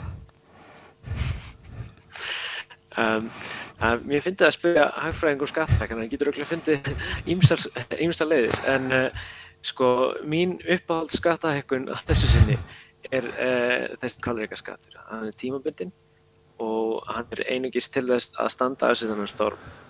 Uh, það sem maður lendir í þegar maður um, ræðir skattahækkanum, þetta eru tvær mismunandi umræður. Það er að segja, eitt er bara að breyta skattkerfunu og gera það eh, sangjant og síðan annað er að hérna, standa að sér þannig storm sem þessi verðbólka er. Um, ef við byrjum á þessum tímaböndu skatt, sköttum þá erum við að, hérna, að fara fram hjá, uh, þá þurfum við ekki að lenda í uh, þeirra hættu að kannski minni fjárfesting í einhverjum atvinnugreinum eða að uh, fyrirtæki byrja ekki vegna þess að þau eru ofsköttuð eða eitthvað, eitthvað svoleiðis vegna þess að þetta er bara, þetta er jafnvel bara eingreislu skattur eða eitthvað sem er mjög nýjumbundið og þú ert að fjárfesta eitthvað lítur til langtíma. Um, þannig að ef að fjárfestar halda þessi kvalreika skattar lækka aftur þá mun það ekki hafa neinn áhrif á þessi, þessi skatting mun ekki hafa áhrif á þeirra fjárfesta hægður. En ef við tala um langtíma skatta þá getur alltaf lent í þessu. Um, en auðvitað er það bara eilíf spurning um uh, einmitt skatta á fjármagn og skatta á sjárótveginn, hvernig uh, þeim sé best hagað og ég bara, ég get ekki sagt til um það hvernig, uh, hvernig skatturinn á að vera þar en við vitum alltaf að báður að þeir eru, þetta eru óvinnsæli skattar og hérna, eða skattstíð að þeim akkurat núna er óvinnsælt mm. um, og það er held ég á, alveg ágættis ákall mm. Eftir breytingum þar mm. En Jónas, þú hérna, já þú mér er svo óvinnsælt að því að það er svo látt ekki já, að það séu hátt skattstíð, já. Hérna, en þú nefnir kvalreikaskatt og það er talað um það í Evrópu og það er oft í samingi við skyndilegan ógnar hagnað orkufyrirtækja þar sem að orkuverð hefur hækkað út af, af skort á gasi en það hækka líka hjá þeim sem er að framleiða orku með rafmagni eða kjarnorku eða vindi og hverju sem er þannig það er svolítið svona augljóst að það rak kvalur á fjörur. Hvaða, hvað er kvalreikin á Íslandi? Já, hún er ekki jafn augljós. En uh, það eru ímis, uh, ímis fyrirtæki, ímisir atvinnuvegi sem hafa hagnast á utan og komið til aðstæðum að, og aðstæðum sem hafa ekkit að gera með það hversu vel þessi fyrirtæki eru rign. Og það er náttúrulega uh, fjármálagerin ef við tökum, förum aftur í COVID sko að þá voru fjármálafyrirtæki, það var ágætins kvalreiki fyrir þá að fá mjög mikið af ódýri fjármagnin í kerfið og fólk sem gæti ekki eitt peningu sínum í neyslu og byrjaði að spara og fekk þá mikið af nýjum innlánum e, inn í kerfið og hérna, það er, hafði ekkert með það að gera hversu, hversu vel reikin Íslandsbanki eða landsbankin var. Um, og svo uh, nefndi Gilvi Sóvika, hagfræðingur, að hérna, Úkrænustriði hefur verið gjöfilt íslensku sjáurútsfyrirtækjum. Mm. Það sem að hérna, og álverónum og álverónum gríðarlega hekkuna áli. Já, algjörlega herra afröðverð og svo líka eru markaður opnart í, fyrir fiskin allavega. Þá hérna, eru breytar að hérna, þeir kaupa ekki rúsneskan fisk eða, eða einhverju Evrópið þjóður og, hérna, og það hérna, hækkar líka afröðverðið á fiskinum þannig að um, mér, það er allavega það er einhverjur uh, einhverjur ángar þarna sem er hægt að, hægt að taka af en ég er algjörlega sammálaðar miklu augljóslega kvalreiki þarna hjá orkufyrirtækjum í á meginlandi Evrópu.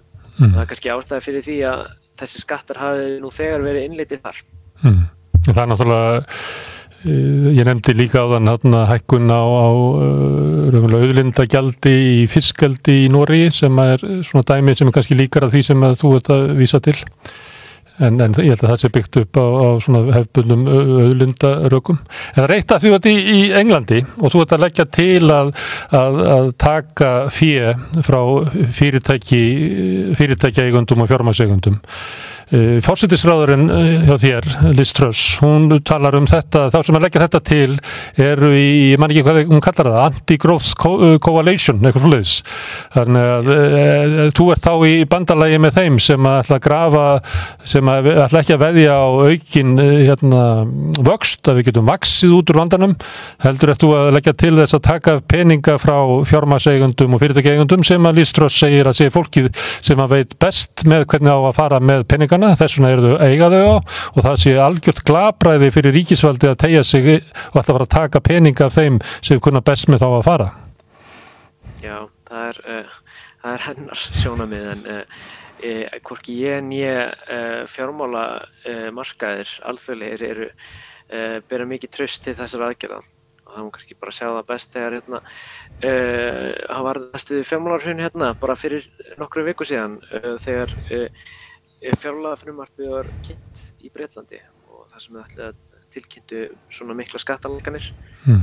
en uh, síndu ekki hvernig það ætlaði að fjármagna þá uh, rekstur ríkisins. Mm. Þannig að að lækka skatta þýðir ekki alltaf uh, að mun ekki alltaf hveti til hagvægstar Nei. og síður en svo. og einhver leiti hefur e, markaðarnir mist rúna á nýfrálsíkinu sem að Liz Truss er að bóða.